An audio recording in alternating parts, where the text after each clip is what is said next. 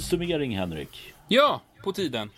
Ja, lite sent men ändå vi har fått eh, låta det mogna en hel del den här fantastiska avslutningen på Wimbledon får man väl lov att säga.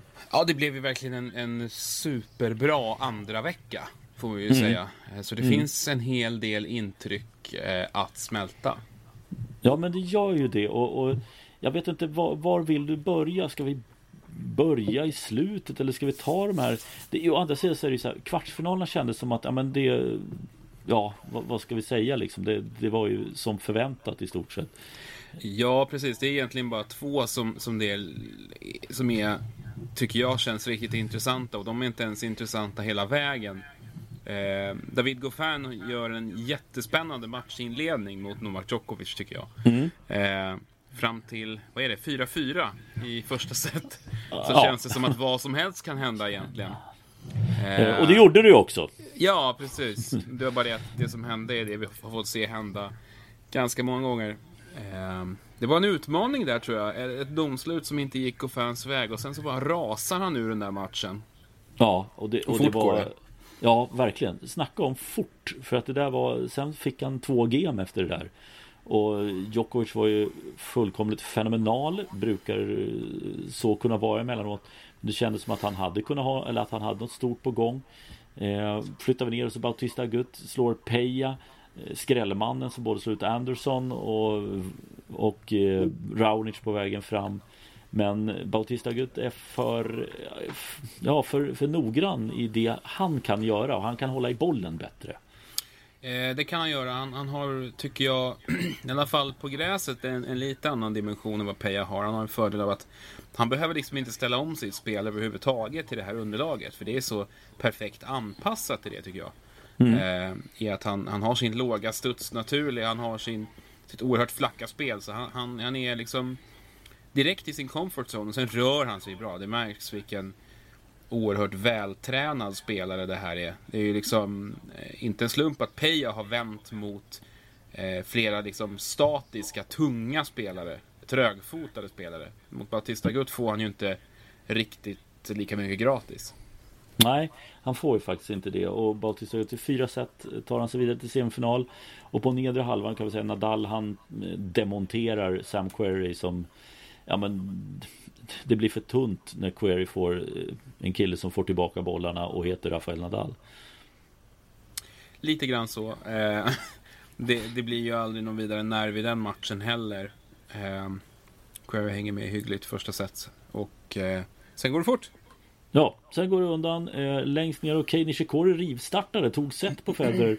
Eh, skäl till oro? Mm, kanske inte så länge i alla fall för att det där vände och såg väldigt komfortabelt ut igen. Och precis som du har varit inne på, som vi har varit inne på, Kei Nishikori kan inte lyfta sig.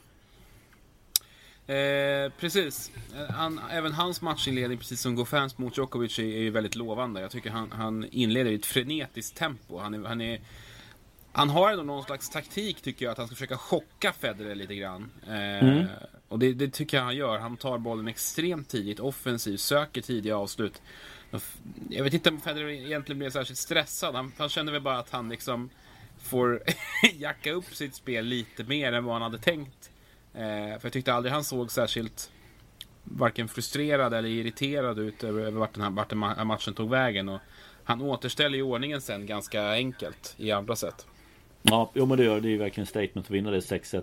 Eh, nu, ska, nu låter det som att vi klankar väldigt mycket på Nishikori för, Men det är fortfarande så att han håller sin sidning Han är framme i kvartsfinal Han gör det han ska och är uppe i topp 10 Och har varit väldigt stabil under året Men det är just det att han överraskar inte i de här lägena Det är det som vi är på eh, Bara för att förtydliga det Eh, semifinal då? Ja, vi, vi avhandlar väl den första eh, längst upp där för där var det Novak Djokovic och Bautista Agut. Eh, spanjoren tycker jag gör en bra insats. Eh, alltså egentligen inte så mycket att orda om det är bara att det finns några få spelare som är bättre och som kan höja sig när du är här framme. Novak Djokovic är en av dem. Precis, och, det är väl liksom de tre utöver Bautista Gutt som, som är kvar i turneringen som, som slår honom i ett, i ett sånt här läge. Han är uppenbar, var ju uppenbarligen i bra form. Eh, behöver väl kanske inte möta så mycket spelare på vägen fram hit, men han gör ju ingen dålig insats mot Djokovic. Han är ju, han är ju med hela tiden. Det är ju bara det att Novak vinner ju liksom en, en 55% av poängen liksom hela tiden och, och, och håller sig en, en noslängd före honom. Eh, och det är liksom en, en, en vad ska man säga, en, en samlad helhet liksom som är som, som trumfar Bautista Agut på liksom alla plan. Han vinner ett set. Det är liksom max vad han kan göra mot Djokovic i den form han är i. Ja. Eh, I de här sammanhangen. Ja, och, och, rutin, allting sånt som väger in i det hela. Plus att Djokovic är världens bästa tennisspelare. Så att det, det, ja, han gör det han kan och det är verkligen Han faller ju med flaggan i topp och, så att eh, all heder, det ska bli spännande att se hur han fortsätter säsongen nu Bautista Agut. Eh, fick ju skjuta upp svensexan också, eller skicka dit polarna istället. Jag blir lite besviken faktiskt. Jag hade förväntat mig att de skulle leva om lite mer här under semifinalen. Ja. Eh, och kanske ställa till med någon liten skandal. De var väldigt, eh, väldigt skötsamma. Ja, men det, å andra sidan, Bautista Gutt är väl inte killen heller som sticker ut. Han är ju rätt tam, hans personlighet också. Eh, så att det, det kanske rimmar med det. Jag vet inte. Ja, han känns, ju, han känns ju inte som världens mest så spontana och skojfriska kille. utan det, det, det, det, är en man som... som eh, han, det är ordning i hans strumplåda om vi säger så. ja, det är nog... Undrar om det är färgkoordinerat där eller hur, hur han gör i strumplådan. Det, känns, det känns som att han, han, han, han, har lite, lite auran av en man som stryker sina kalsonger. Det är liksom... Ja. Han har väldigt bra ordning på saker och ting. Ja, jag, tror inte han gör bollar av sina strumpor. Nej, han viker dem, tror jag. Ja, det tror jag också. eh, det var ett, ett litet lätt stickspår. Stickspår? Eh, ja, eh, han ska gifta sig senare i sommar. Det skiter vi nu, för nu pratar vi Roger Raffa. Ja, och... Det var ju en enormt hypad match eh, inför såklart. Eh, lika bra som 2008, det var det ju inte. Men Nej. den är ju definitivt med att tampas om epitetet bästa match 2019, tycker jag. Ja, eh, det, jag skulle säga att ja, den är en av två matcher för mig. Eh, men jag, tycker att det är det är försmak och, och jag som hade, jag, jag trodde ju mer på Nadal än Federer när, när Nadal hade kommit så djupt. Jag imponerades så mycket av Federers lugn och att han kände, han måste ha känt sig i så extremt bra form Federer för att det är ändå, han, han studsar tillbaka, vinner första tiebreak, det är tufft. Sen åker han på en riktig jävla smäll i andra torskar torskade med 6-1. Vilket vi har varit inne på lite tidigare, tappar eh, liksom, att det krävs så mycket kraft att vinna ett sätt att du liksom faller ifrån. Och där var jag inne på, ja, men när han torskade det där 6-1 att ja men nu, nu kan nog Nadal äta upp honom på att det var så jävla jobbigt det där. Även Federer alltså. Men vad hände?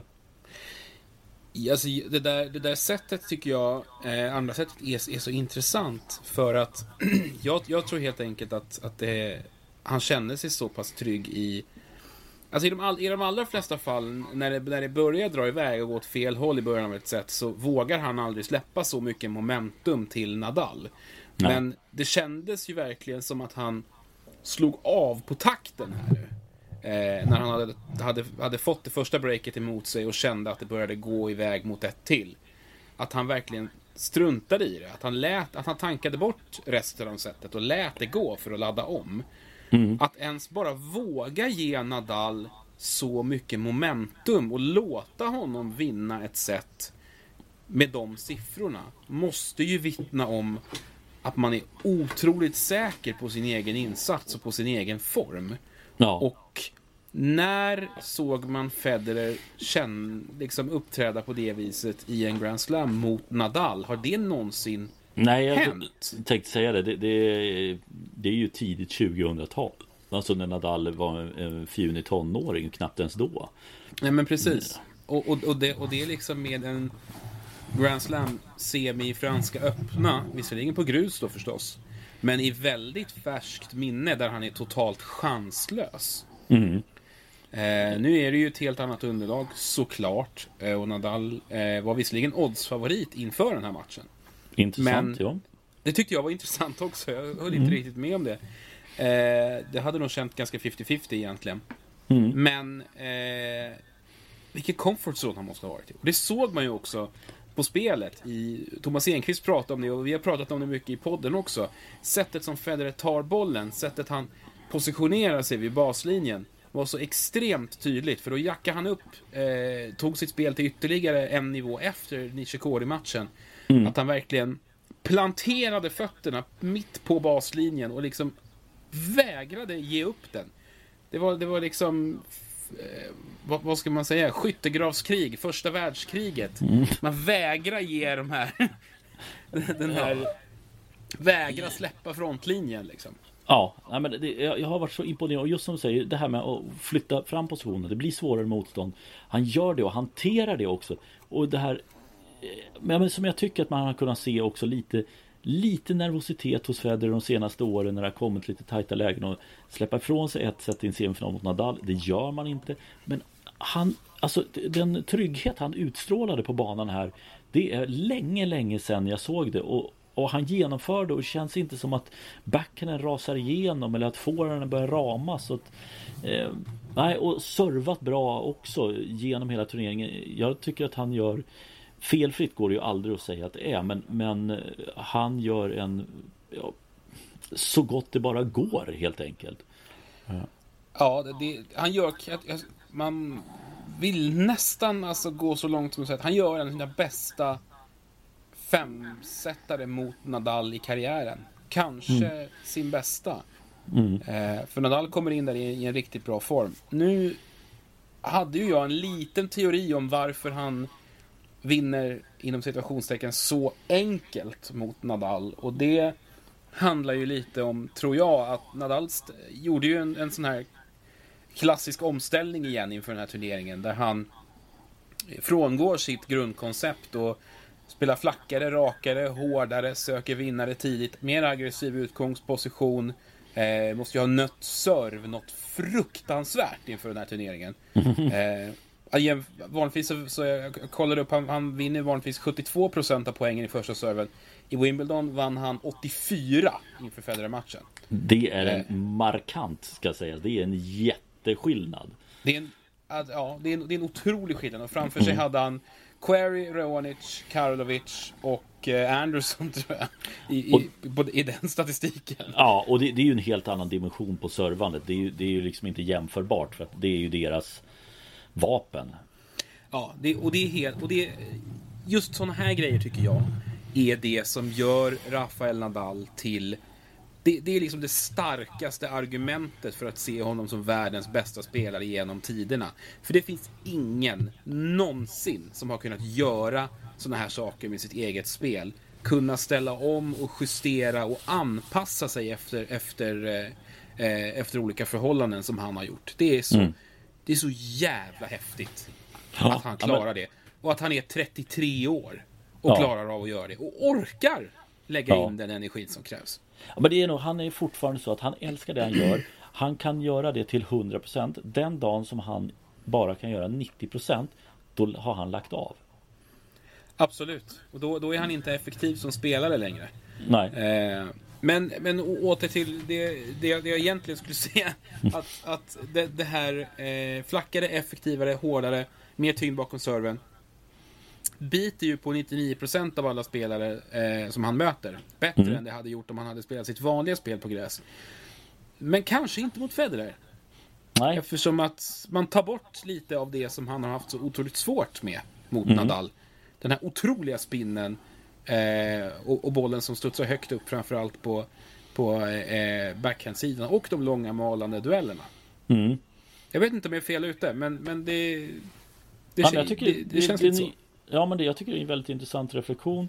Eh, samtidigt så tror jag inte att det hade lönat sig heller att ställa sig längre bak och det hade ju de i teamet runt Nadal redan gjort kalkylen för i alla fall hade han ju ställt sig längre bak och spelat sitt normala Nadal-spel. Eh, och hoppas på att vinna eller trott på seger där utan de måste ju ha trott att det här är vapnet för att slå Federer här. Eh, och det, jag tror rent krasst bara var så att Federer var, eller var, var i en bättre form för dagen. Mm. Eller för den här turneringen än vad Nadal mm. var. Och jag tror den nyckeln för Nadal att han tog sig så långt det är ju den här Kyrgios-matchen som han fick i andra rundan. Eh, för han hade kunnat ryka i den matchen också. Men där fick han sån enorm boost för Kyrgios är så pass bra på gräs. Så att han har liksom en tydlig värdemätare tidigt. Och Sen hanterar han ju liksom fram till semifinal. Det är ju skrattmatcher lite att ta i men nästintill. Ja, men precis. Det, det känns som att jag, jag, jag, håller med om det. Jag tror också att han får extremt mycket energi från Kyrgios-matchen. Han liksom bara gasar igenom kommande tre matcherna där mot Songa, Sosa och Query. Det är ju mm. kompetenta motståndare alla tre. Mm. Eh, man, man, ska inte, man ska inte säga annat. Men, men det är ju liksom... Han är ju oövervinnelig i de fighterna. Ja. Jag, tror, jag tror att han hade energi kvar mot Federer. Och att mm. han gjorde vad han kunde för att vinna. Men, men det är några saker som Eh, Nadal gör ju inte sin bästa match i turneringen där. Det kan man ju inte säga. Han bjuder ju upp och, och, och bjuder på extremt bra motstånd och det blir ju en hel del makalöst fina poäng verkligen. Mm. Men, ja, ja. men han, han, han, var lite kritisk framförallt till sin egen backhand. Och, och, det kan man ju hålla med om. Det var inte många backhandvinnare som han, han drog in i den matchen. Men då är det ju ändå att ja, det är han som säger det. Jag som tittade på, jag reflekterar ju inte över att han inte var så bra från backhandsidan heller. Utan... Alltså, då, dålig, var, dålig var han ju inte, men ska man hitta någonting att klanka ner på så var det väl kanske det. Ja. Eh, om man nu ens ska göra det. För att, ja, som sagt, Federer var extremt bra i den matchen. Och som du sa, han, han, han är, har kommit in i den här turneringen i bättre form än, än Rafa. Mm. Ja, men då apropå bra matcher så säger jag att finalen för mig är Det hör ihop med dramatiken i och med att det är den avgörande matchen helt enkelt eh, Men det är Jag tycker det är så häftigt att se den här matchen Och vilken kamp och jag tycker att det är väldigt bra spel Jag tycker Federer har och teamet runt honom hade en bra taktik mot Djokovic som inte alls fick ut, eller ut det som han skulle kunna få ut och som han har fått ut mot Federer eh, i andra matcher under deras karriärer. Eh, men ja, det är makalös inramning på, eh, på den, eller inramning ska jag inte säga, utan det är en makalös match det här. Ja, det, det är min korta reflektion av, av finalen.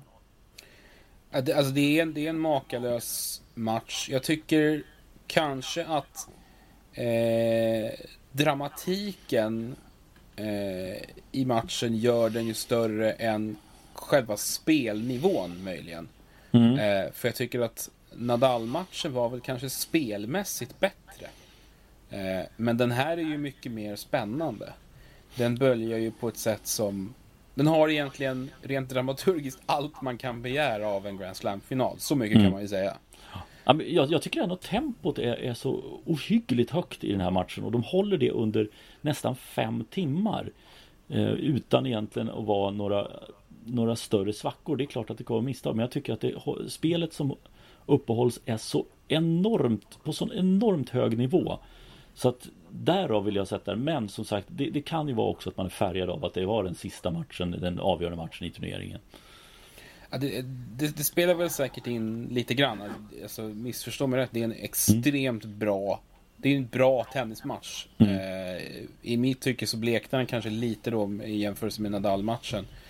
Eh, och, och, att just 2008-finalen här var, var, så liksom uppe på tapeten inför att, att jag hade i alla fall den i huvudet hela tiden. Eh, men men det, är, det är en fantastisk tennismatch. Eh, och den var så Ja, det, det, det, var så otroligt o, oförutsägbart egentligen fram till sista, sista tiebreaket. Eh, när Djokovic bröt, fick ett minibreak där och tog ett så tidigt grepp, då kände man att nej, nu, nu gick ändå tåget. Ja. Eh, I och för sig hade jag nog känt, hade jag nog känt det några, några gånger tidigare i matchen också.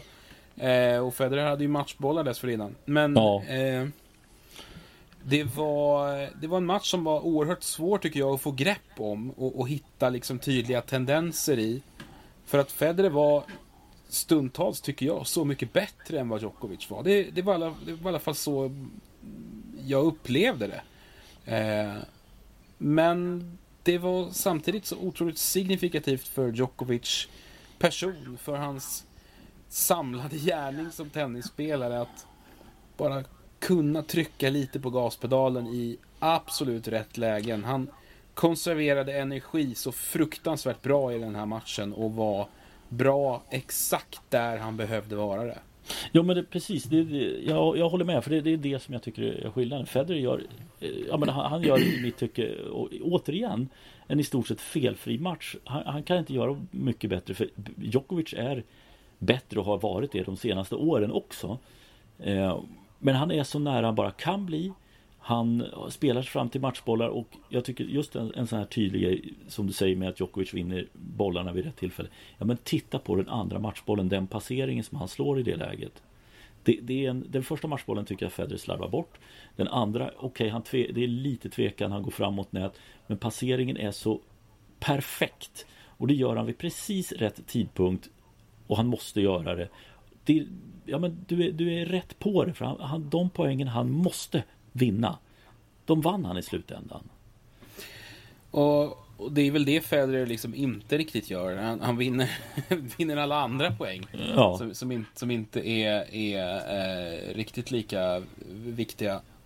Um, och i slutändan så är det väl liksom skillnaden att Federer tappar de här matchbollarna. Förlorar det här övertaget. I, i samma situation så hade eh, Djokovic aldrig gjort samma sak. Nej, jag har väldigt svårt att se det faktiskt att det skulle ha inträffat. Eh, och där för mig blev det lite så att okej, okay, här var matchbollarna, här förlorade han matchen. I, i mitt, nu, nu, blir det enkelt eftersom det bekräftades på, med att Djokovic vann i slutändan. Men jag fick just det att här har du två matchbollar i egen serve. Du kan inte ha ett bättre läge. Eh, och du, du får inte ut dem där. Nu är det så otroligt små marginaler. Men ändå, jag tror att där som du säger, Djokovic han hade knutit ihop säcken. Hade han missat första hade han satt, eh, vunnit den andra. Federer gör inte det.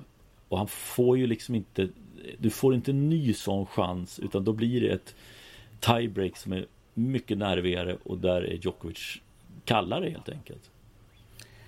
Djokovic kändes ju som, som hela tiden som favorit så fort det vankades tiebreak egentligen. Och han vinner ju tre stycken i samma match. Exakt. Eh, vilket ju är en enorm prestation mot en spelare som Federer. Och mm.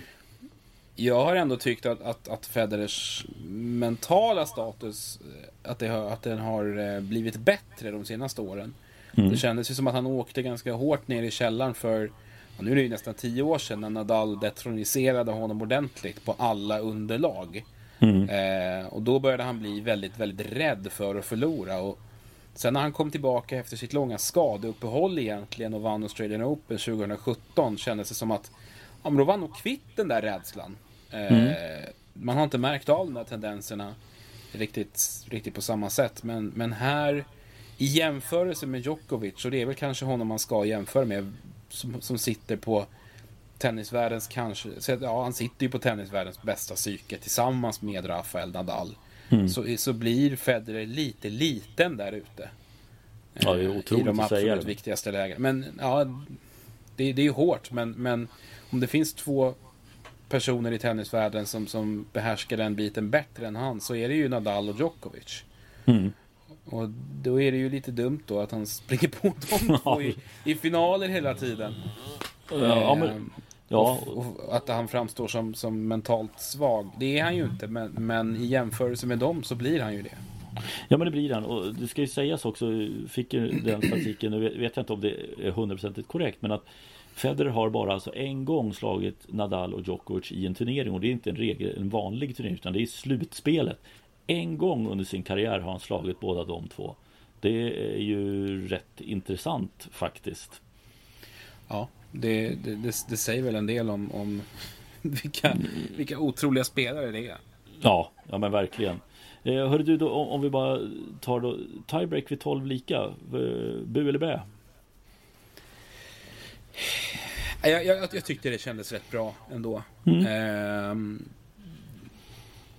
de hade ändå gett järnet så himla länge och det var, det var så ovisst. Man behövde verkligen få till ett avgörande i, i det läget. Jag, jag, tycker det känns rimligt. Jag ser inte riktigt eh, charmen i, de, i de här alltså, galna evighetsmatcherna. Nu höll, höll de ju på i nästan fem timmar. Mm. Eh, och det räcker tycker jag gott och väl för, för, en, för en tennismatch. Ja, nej, men jag, jag håller med. Jag, jag, var väldigt positivt inställd till det nu.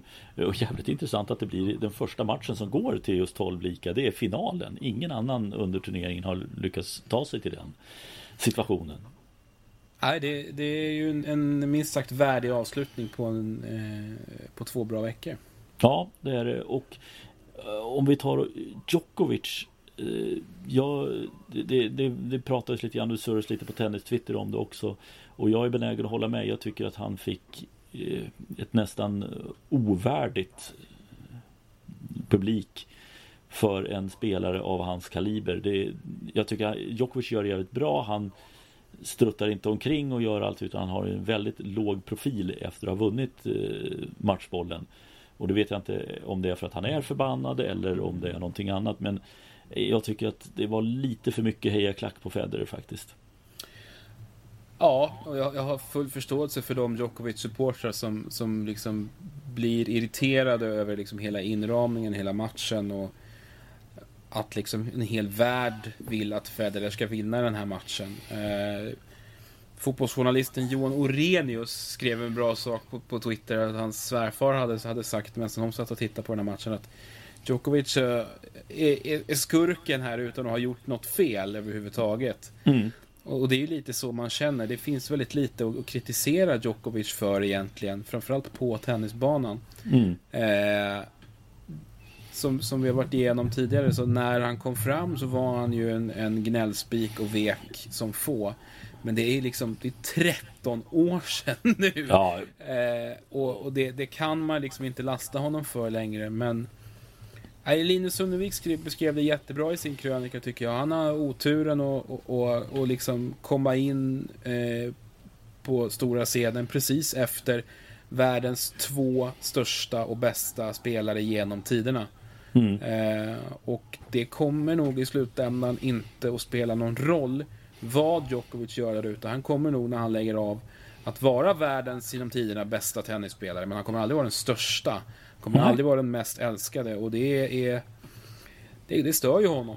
Det är ju uppenbart att det gör. Och, och det här att i fem timmar ha en publik som jublar när du slår ett dubbelfel eller drar en enkel backhand i nät eller vad fan som helst. Att bara ha det emot sig. Mm. Och ändå vinna.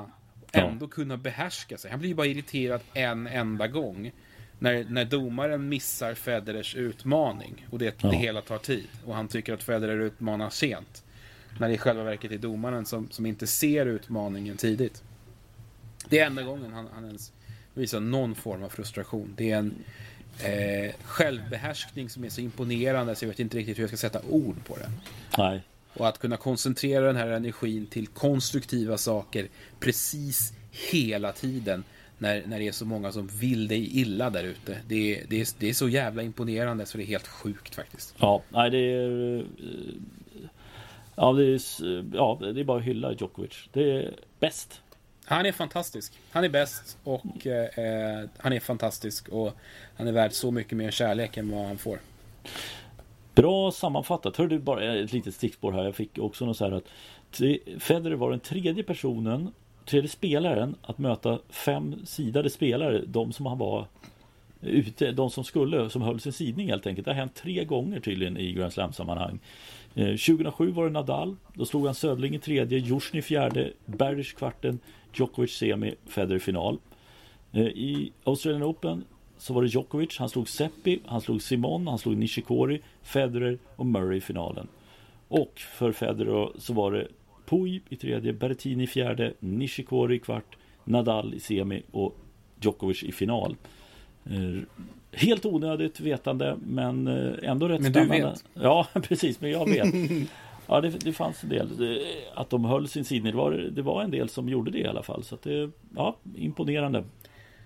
Lite kul ändå med tanke på hur skrälltungt det var första ja, dagarna. Ja, Eh, verkligen, lite, precis, det blir lite konstigt faktiskt att det lyckades bli på det sättet. Verkligen. Ja, hörru du, ska vi eh, ta oss an eh, den här veckans begivenhet eh, Båstad? Ja, låt oss. Ja, och där har vi ju kommit en liten bit in. Eh, de är inne i andra rundan nu när vi spelar in det här. Två stycken svenska bröder tog sig vidare till andra rundan. Dessvärre föll det norska affischnamnet bort här under tisdagen. Eh, en ganska tämligen enkel förlust får man väl lov att säga. För, mot Damir Zumur. Kasper Rud klarade inte av trycket. Eh, men både Elias och Mikael vidare. Om vi börjar med Mikael Ymer. Eh, jag tittade framförallt på första set och där kändes det som Davidovic Fokina var den som kunde växla tempo och tryckte tillbaka Micke Ymer som var väldigt långt ner bakom baslinjen. Och eh, Ja, jag, jag, tyckte att han såg ut att ha det lite svårt i, i det första setet.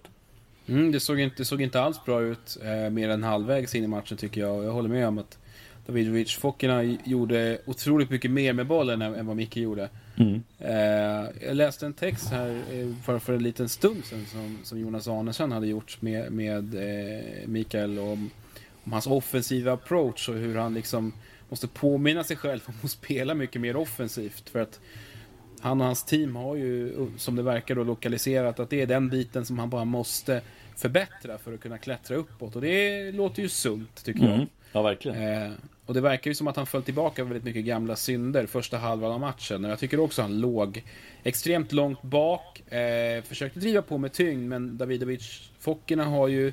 Han har bättre bett i, i grejerna än Micke rent generellt. Ja, det känns... Ja, just tempoväxlingarna som spanjoren fick till väldigt bra. Men det kan ju bero på också positionering av, av Micke Ymer, att han kunde ha tillåtas få växla tempo så här. Och då kändes det som att svensken hamnade, ja men blev pressad helt enkelt för att han inte hade rätt position i banan. Men det där, det där vänder ju sen och det mm. vänder ganska, ganska snabbt. Han, han slänger in ett Vamos där efter någon, ja. eh, någon vunnen poäng. Det är väl inte bara det som gör att, att eh, hans motståndare faller ur ramen, men eh, det, var, det, ja, ja. Det, var en kul, det en kul grej så här i efterhand. Eh, nej, men han gör, gör lite mer med bollen. Jag tycker, jag tycker generellt att han, han kanske flyttar fram lite mer i banan, men får ju ganska mycket draghjälp ska man ju säga av att, av att eh, vår svensk-spansk-ryske vän där eh, faller ur ramen ganska ordentligt. Ja, ja men det, det, blir ju väldigt tydligt när han vinner sista set 6-0. Jag tog mig tillfället att roa mig lite grann för jag har tänkt på det här och det har vi pratat om tidigare just tresetsmatcher att han spelar mycket. 12-4 har Ymer i matchkvot i år när det gäller tresetsmatcher. Ja, det är jättefint. Det är ju Dominic Team-siffror. Ja, men eller hur. Eh, motsvarar, om man tittar på bara över två set så är det 17-7 eh, vinster, förluster för Ymer. Men 12-4 eh, är bra. Ja, det är, det är jätte, jättebra och hans matcher har en tendens att svänga fram och tillbaka. Och det är klart att han samlar på sig ganska mycket erfarenhet av just den typen av situationer då. Mm. och det, det verkar han ju kunna utnyttja till sin fördel på ett jättebra sätt. Här. Så att, eh, ja men positivt. Eh, Nicolas Jarry nu, mm. härnäst. Det blir en eh, tuff nöt att knäcka. Ja, det är ingen skam i att förlora mot en, en, en sån spelare som ju är bofast långt fram i grusturneringar. Nej, verkligen um, inte. Men förhoppningsvis så kan han kanske lära sig någonting av att möta en sån motståndare. Det är ju inte superofta som han, han eh, ställs mot den typen av högklassigt motstånd. Nej. Så, att, så att eh, hoppas han kan dra lärdom av det, för det, det, kommer ju bli tufft. Vi ska inte låtsas annat. Nej, och när den här släpps så kommer den här matchen eh, spelas eh, ungefär samtidigt. Så vi får se hur det går. Elias Symer tog sig vidare, tog revansch på Thiago Monteiro. Förlorade mot honom i två raka förra året. Nu vann han med 7-5 i avgörande. Eh, ja, det blir ju en kämpaseger. Det är en match med eh, oerhört, oerhört långa och många baslinjedueller. Eh, där är det två spelare som liksom verkligen försöker nöta ner varandra. Jag tycker att Monteiro såg... Eh, när han vinner andra set så, så undrar man ju egentligen hur Elias har kunnat ta sig tillbaka in i den där matchen. Eh, Monteiro var vid det laget tycker jag mycket, mycket bättre men, men eh, även Elias flyttar fram positionerna lite i skiljeset. Eh, och vågar driva på lite mer med sin forehand. Han, har ju varit lite så halvtveksam form här nu sista månaderna och inte mm. uträttat något storverk direkt på någon nivå utan liksom vunnit någon match lite här och där och egentligen liksom klarat skamgränsen hela tiden. Eh, men eh, ja, jag, jag, gillar ju när han vågar driva på spelet. När, när Söderling ledde Elias så, tycker jag, så tyckte jag det såg jättebra ut. Mm. Men det är liksom lite grann som att han glömmer bort hur beroende han är av att ha en taktik som fungerar och, ha, och, och kunna våga där ute. Mm. Eh, för att något vapen har han ju inte egentligen som, som tar honom någonstans. Nej men det, det gör det inte och Monteiro måste jag säga också Ja han spelar bra i andra sätt eh, Elias går ner sig lite grann Sen är ju Monteiro tycker jag en sån spelare som kan pendla väldigt mycket under vissa Verkligen. matcher Eh, Eh, så att, det, det, att, att han inte håller samma nivå över hela de här tre sätten Det förvånar mig inte så mycket och det är ju därför han ligger där han ligger på rankingen också eh, men, men en Joao Sosa i andra rundan, det tror jag också blir tufft. Sosa som eh, gjorde det bra i, i Wimbledon är ju en ganska kompetent spelare på alla underlag skulle jag säga. Nu överraskar jag lite grann med att han gick så långt på gräset. Men han har gjort bra hyfsade resultat på hardcourt och på grus också. Även om det här året kanske inte har varit helt fenomenalt. Nej, det har det, har det visserligen inte, men, men han, han brukar ju kunna plocka fram de här fina insatserna emellanåt. Han, han, och på den här nivån så är han ju så komplett. Han saknar ju egentligen, egentligen riktiga svagheter i spelet. Mm. Ehm, och känns ju lite grann som en... Som en eh, han och Elias påminner ju väl en del om varandra egentligen, att de har en väldigt jämn eh, ja, de, de, de, de, är inte dåliga på någonting, men de har kanske inte något så supervapen, någon av dem. Eh, men det är väl bara det att Sosa har, är ju några klasser bättre än Elias och har ju extremt mycket mer rutin. Mm. Eh, och att komma nu direkt från Wimbledon där man har mött Nadal och, och eh, spelat många bra, gjort många bra matcher. Jag har väldigt svårt att se att Elias ska kunna ta det här om, om Sosa är, är fullt motiverad och eh, hel. Mm. Vilket han ju måste vara eftersom han, han ens väljer att dyka upp här. Han hade nog lätt kunnat skippa det här med tanke på hur långt fram han var i Wimbledon. Men han, han verkar vilja spela. Ja, och det är faktiskt det, det är mycket möjligt att det är slut på, på svensk insatser. Mest sannolikt ska vi säga att det är så efter torsdagens spel. Eh, I övrigt så är det väl inte så mycket att säga. Det blev något sent avhopp där. det var väl eh, Berrettini tackade för sig innan innan eh, lottningsträdet gjordes. Ja, logiskt med tanke på den eh, utväxling han har haft här på gräset. Mm. Oväntat nog. Han har ju gått som en raket upp för rankingen. Han behöver mm. inte den här turneringen. Han behöver inte gå tillbaka på gruset. Utan kanske väljer att ladda om då inför hardcourt-säsongen istället. Ja, det blir intressant att se om han spelar i Hamburg nästa vecka. Men, men mm. Eh, att han inte behöver den här turneringen, nej det kan jag också förstå. Eh, och, och, i övrigt så är det, ja, det, jag tycker det är väldigt svårt att säga någonting. Nu har inte de största spelarna gått in i den här turneringen än. De går in här under 10 eller under onsdagen. Eh, men det är Ja, det, det, det, är ganska jämnt. Det är lite Sosa Ymer. Det, det är okej överallt men det är väldigt lite som sticker ut. Precis så är det. Um, ja, det, det, det, är svårt att hitta några riktiga guldkorn här. Uh, vi har ju några spelare som vi vet kan bjuda upp till riktigt bra tennis. Är alltid sevärd naturligtvis. Uh, Cuevas mm. bjuder ju på en del spektakulära dueller emellanåt och Verdasco med, med sin forehand är ju naturligtvis alltid kul att se. Men, men det, det brinner inte riktigt om Båstad i år. Uh, det kan man inte säga och ska man tippa en vinnare så tycker jag att det är oerhört svårt. Ja, för det, det, är så pass jämnt så att jag har också väldigt svårt. Jag, alltså Garin Jary, ja varför inte? Eh, en, ja, nej det, nej, det är faktiskt som du säger, Cuevas eller Sosa skulle också, Sosa har varit i final, Cuevas har vunnit. Eh, och sen på nedre så är det Verdasco, vi hade Gasquet i final i fjol. Nu vet jag inte hur Gasquets form är, men det, det är, ja Verdasco ser väl ut att ha störst chans att gå till final. Ja, nedre delen känns ju betydligt svagare än, än den övre. Mm. Eh, det känns ju som att... Jag vet inte, någonting säger mig att vi har vinnaren antingen hos kanske Garin eller Jary. Mm. Eh, men det är, bara, det är bara en känsla. Jag har, ja. väldigt, jag har väldigt svårt att backa upp det med någonting. Och det är så svårt att veta hur bra alla är eh, på grus efter att ha spelat på andra underlag här nu en tid. Och det är svårt att, säga hur motiverade spelarna är eh, så här direkt efter Wimbledon. Eh, Båstads schemaplacering är ju inte optimal och det vet vi allihop. Alla som kommer hit är inte 100% motiverade. Så att vi får se helt enkelt. Ja, det får vi göra och det, det är väl ungefär det vi har att, att prata om den här tisdagskvällen. Ja, och när, när vi är tillbaka, det uh, återstår att se. Ja. Men, men uh, i, i, i, innan uh, Mastersvängen kan vi väl i alla fall lova. Det kan vi lova, absolut. ja men tack för idag då Henrik. Tack själv Peter.